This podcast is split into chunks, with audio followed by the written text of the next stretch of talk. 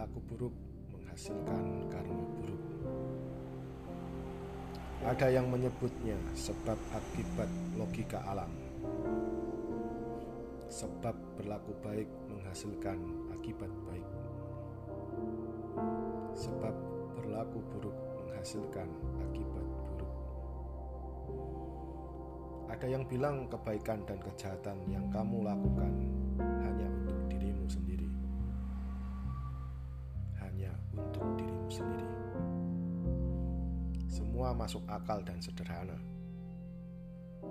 Hidup itu sederhana. Hidup selaras dengan hukum alam itu sederhana dan